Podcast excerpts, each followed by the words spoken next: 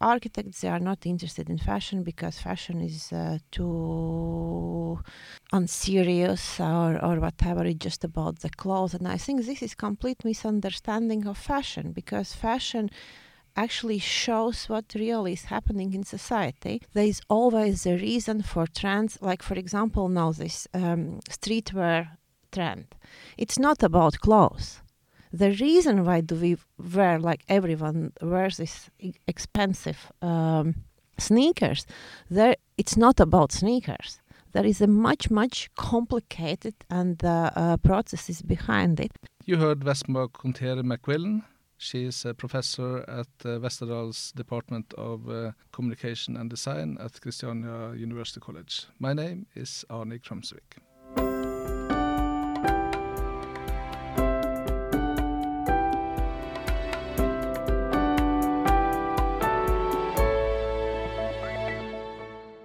Was born in Soviet Union. So after uh, Soviet Union collapsed, uh, and I graduated as an architect, still with Soviet diploma.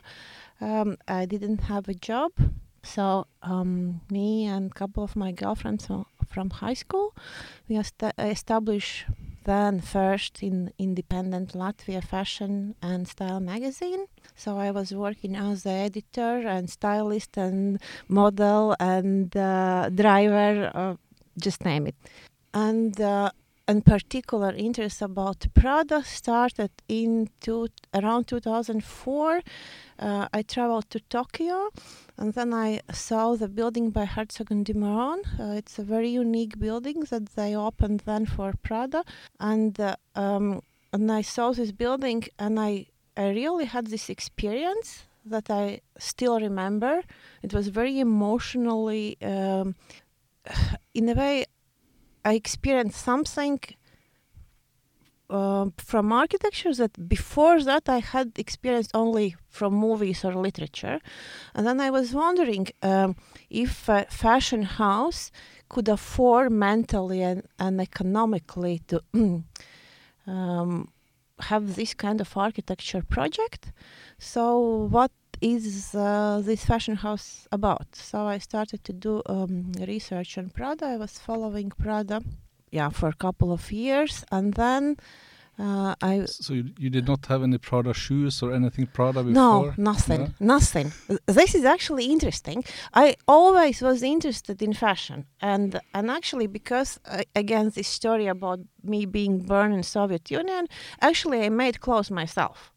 So very long time, actually, I was doing my own design, and I was seriously uh, considering to become a fashion designer. But then, when I started to work for the uh, this our um, magazine, then it was amazing system like barters, you know, because nobody had the money to pay for advertising, but you could have a goods. So pretty early, I was dressed in fashion designer clothes. Uh, because um, it was a just system that existed in Latvia in the 90s. But I didn't have a specific interest about Prada. And so my interest about Prada started uh, um, of course, I have heard about Prada, but but we didn't really have Prada didn't come to Baltic uh, market because I guess it wasn't so interesting market. We, the Italian brands who came were more like Versace and all the Slavic oriented brands. So, uh, and then I started to do research on Prada. And another coincidence was because I met my husband, who actually was interested in Prada. He was wearing Prada sho- uh, shoes. So, in a way, the whole thing came together. Uh, and then, then uh, I still, um, I was more interested in aesthetics. So, even working as a architect, you know, when you do the mood boards, I use a lot of pictures from websites and that were so kind of I kind of got interested in OMA. OMA is a um, architecture office who is working for Prada. So in a way, I very very slowly started to know the case, and I knew Prada pretty well. And then I met um, in 2014. I got to know that there is a person whose name is Ippolito Pestellini Laparelli, who is responsible about the Prada projects, and I um, was uh, lucky enough because we have a common friend, so I got introduced to Ippolito. And this uh, story started that um, Ippo came to Westerdals bec- uh, for one of the events because I'm every year I'm organizing event that is called the uh, Future of Retails and we are talking about uh, future trends.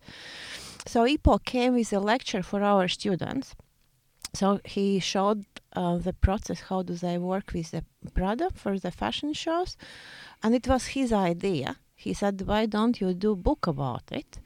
And I said, "I never have done book before." And uh, he said, "Yeah, but why don't you try?" so and then that's how it started. So this is all temporal structures. Yes, uh, this is a, um, a very interesting project in a way uh, um, uh, because it's two processes uh, that goes like uh, parallelly. OMA is doing architecture projects for Prada, and they started in 1999 when Prada approached OMA. Uh, and uh, and inside OMA, because um, OMA is architectural practice that kind of do the projects in traditional um, Ah, as architecture offices work. But inside the OMA or next to OMA or whatever, there is another structure that is called AMO, AMO, and this is the agency that is like kind of based of idea of the media agency. And what do they do? They say that they apply architectural thinking to other domains. So they don't work directly with architecture, but of course it's very, very uh, in the collaboration. So AMO originally started to work with the fashion shows. So um, and what happens that um, if you look from the um, at the projects that OMA has done from 99 to 2018, because it's the last project, big project, Fondazione Prada, that was opened in Milan. So there is this timeline for architecture projects, and then you have a timeline for the fashion shows, and uh, since the mm, uh, OMA is working with these temporary structures. Um, I would say it really depends on the year uh, and the process and so on, but I would say it's like um, it, mm, Prada uh, has a men line, they have a women line, and they have Miu Miu. And you have two basic seasons spring, summer, fall, winter, and then pre seasons and so on.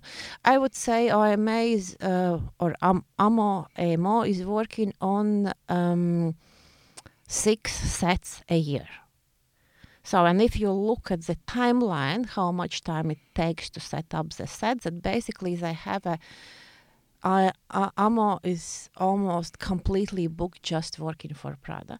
So they, they create these temporary structures and um, why, why Prada is incredibly interesting case because um, the main lines, uh, women and men line, is created in the same space for I don't know.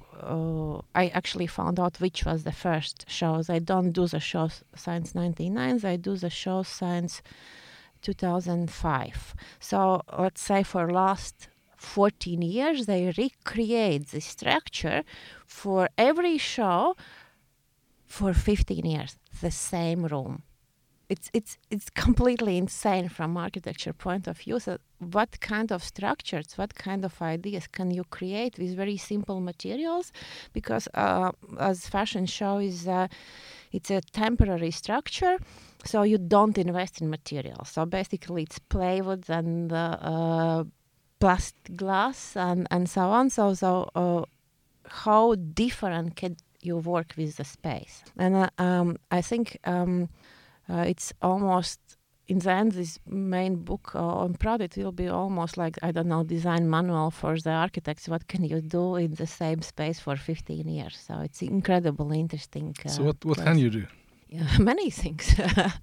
Uh, yeah there, there is a different um, periods uh, how they have been working with the um, sets but uh, again Prada is very specific case uh, because normally when um, uh, architects, um, I would say this is very important thing as well because normally uh, architecture offices don't work with the fashion shows because um, uh, uh, I, I really uh, like to use this quote from Lipovetsky that fashion is not fashionable topic uh, um, among the intellectuals, so that um, fashion is not a fashionable one uh, among the architects. So it always was considered um, not serious to work with the fashion show.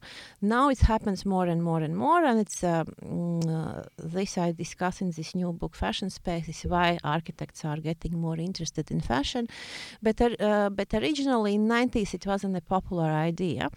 Uh, so with fashion shows, usually you have a, businesses, production companies that uh, work with the fashion shows and uh, there is a, a very um, in a way set up system how do you work? So the designer has uh, their own ideas and then they share with the production company and they create that. Uh, oma um, uh, amo and prada work differently. Basically when they start working they uh, prada doesn't have a collection yet so they work on the set like parallelly. The uh, OMA is creating architecture and um, Prada is creating the fashion, and uh, and you could say that uh, Prada's the fashion house doesn't have specific look.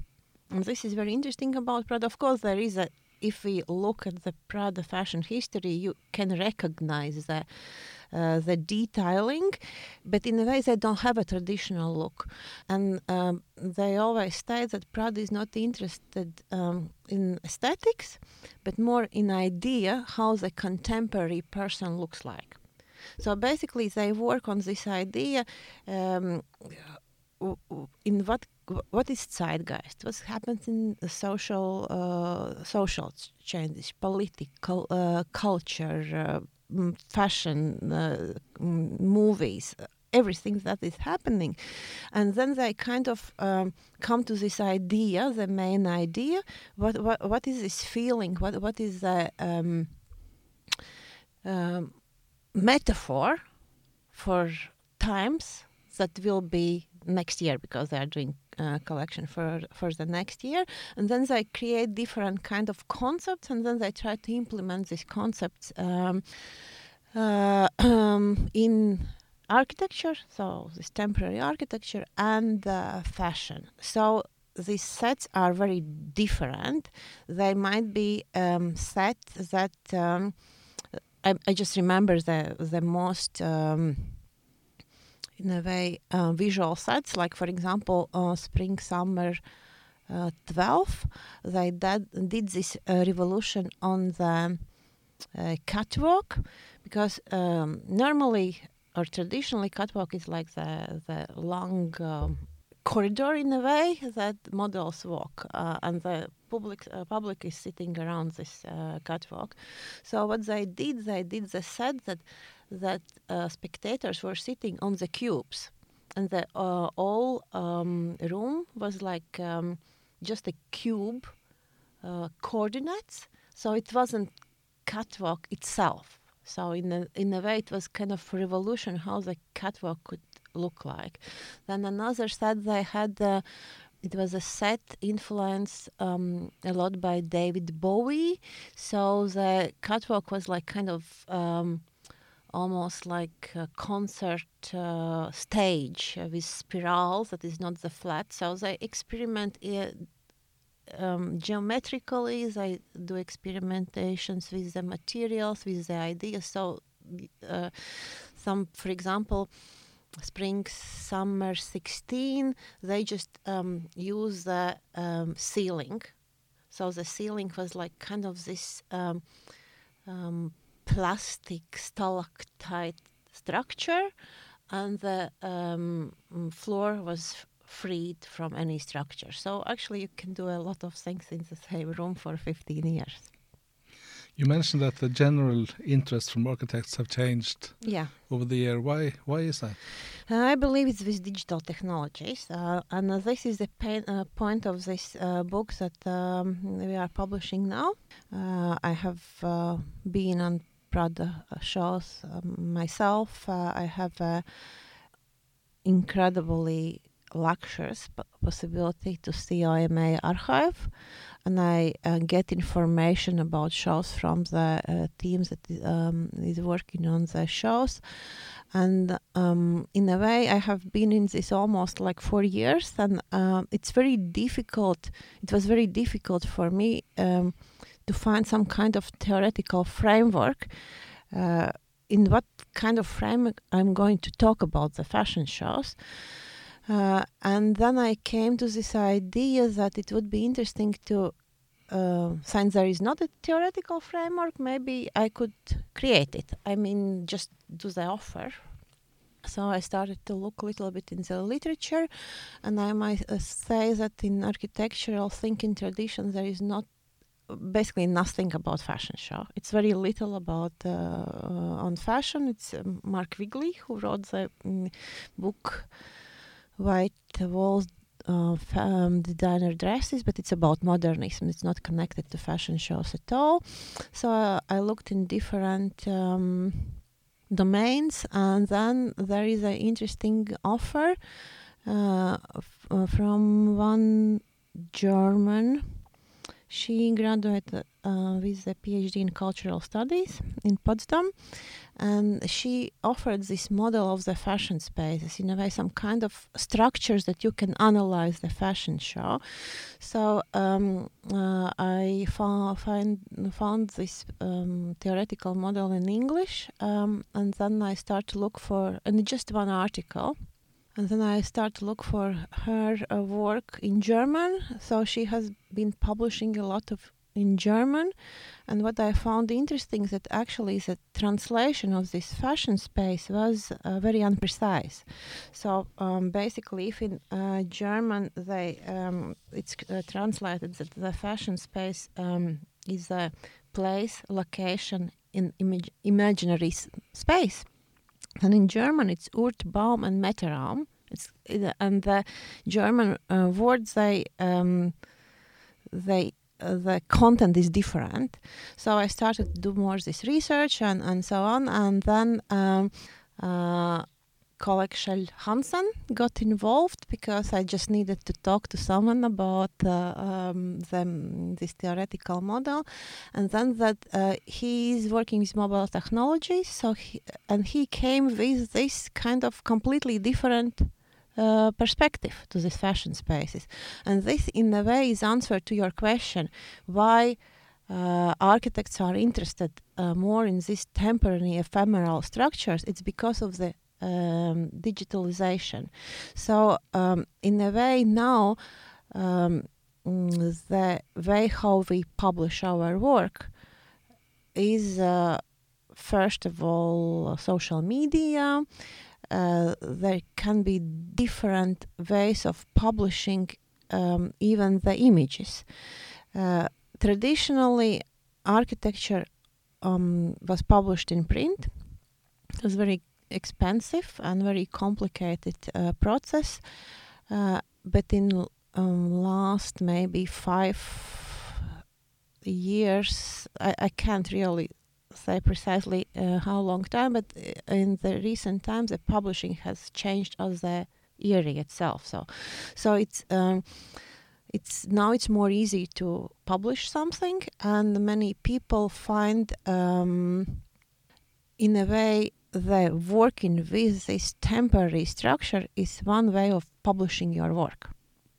So, uh, and then uh, we as a school, we should ask what kind of skills and what kind of knowledge actually students need to graduate our schools and become a part of this business.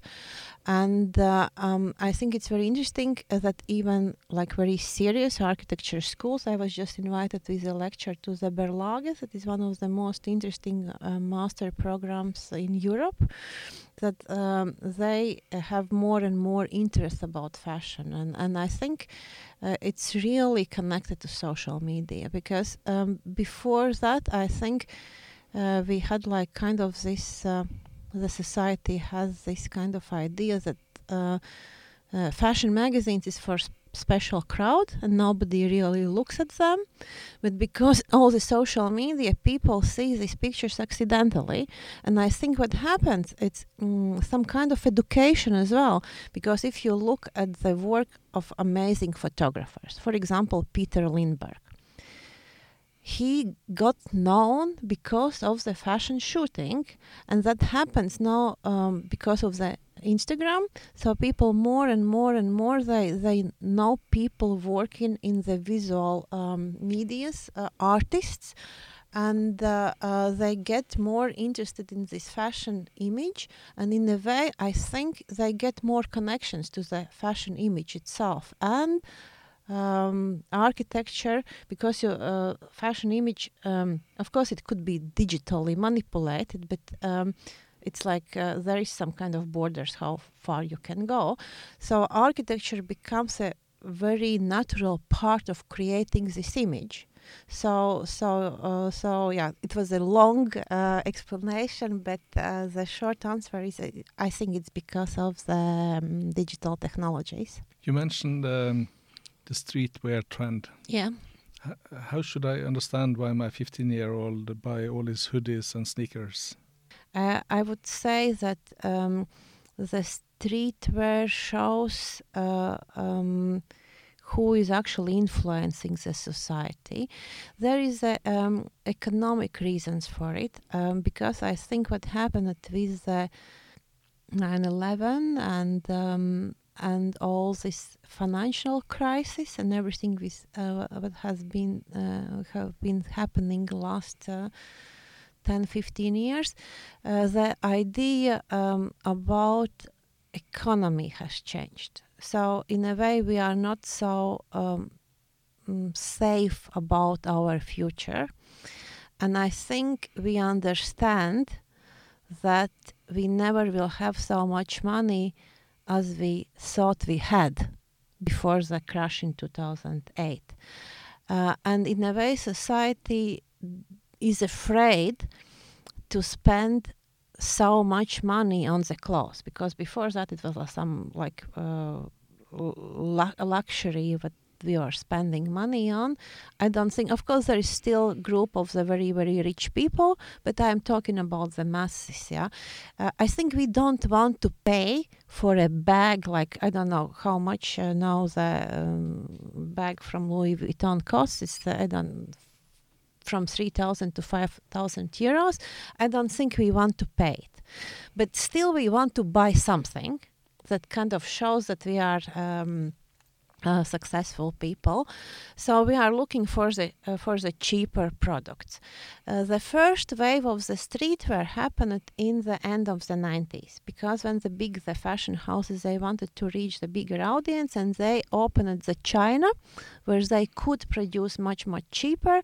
So so it was the first wave of the streetwear and I think the uh, Prada Linea Rossa was like 96 or 97. Uh, and and then it was connected really with these possibilities of cheap production. So they started to do the sport lines, and it was the first wave of the uh, cheaper lines. But it it it uh, didn't work out because the quality was too bad. And then the fashion houses kind of stopped with this uh, uh, streetwear. And now um, they have learned something. So they have learned the um, better way of the production. Uh, and this is the second wave uh, of the streetwear. It's it's connected with the change of the uh, designers of the fashion houses as well. If you look uh, where streetwear trend comes from, I would say there is two big names. One is Demna Gvasalia. He is uh, born in Soviet Union, Georgia and is a head uh, designer of Balenciaga. That is the most, I think, famous um, brand for the teenagers to buy hoodies. Uh, and then it's Virgil Abloh, uh, who represents the United States, um, the same age. Um, um, his background, he is actually engineer and, and DJ and friend of Kanye West and so on. So there are two biggest names that kind of um, decides what's really happening in fashion now. And uh, it's very uh, interesting that they, the age are, they are like 37. They are young and they they use this kind of clothes themselves. So this is another reason. Uh, and of course, everything that happens with the global warming, with the, with the things, we, we are starting to look for different ways of living. I think, uh, in a way, this idea about the more simple living uh, that uh, um, you don't pay so much attention um, maybe this is not right. You pay attention anyway to your uh, to stuff that you own, but in a way you look at it more practically. So this is another reason, and of course um, uh, there is a government regulation. For example, um, the last um, big thing happened around 2004 when, when there was changes um, in the smoking in public areas. So it leads us to more healthy lifestyle. So as you see, it's super super complicated. There is not one answer. Why do we? Uh, the streetwear is so. It's a, a, lot of aspects that just came, uh, but it really changed the fashion system. Um, uh, because it uh, led to involved bigger masses of the society. And plus of course i didn't mention the social media because it's a possibility to share the image and create the followers and so on and so. So so in a way all, all these things were happening together the culture the politics economics and so on. And then then it comes together and then something happens in the society. So so so there is no one answer why the streetwear is so big but i think uh, um, i see that it uh, will stay because this um, makes our lives uh, more um, easy. And i think people human uh, uh, they are lazy and if they find some easy uh, way um, to survive, I, I, I think it's, it's like evolution, right? We will keep this streetwear um, for a very long time, I think so.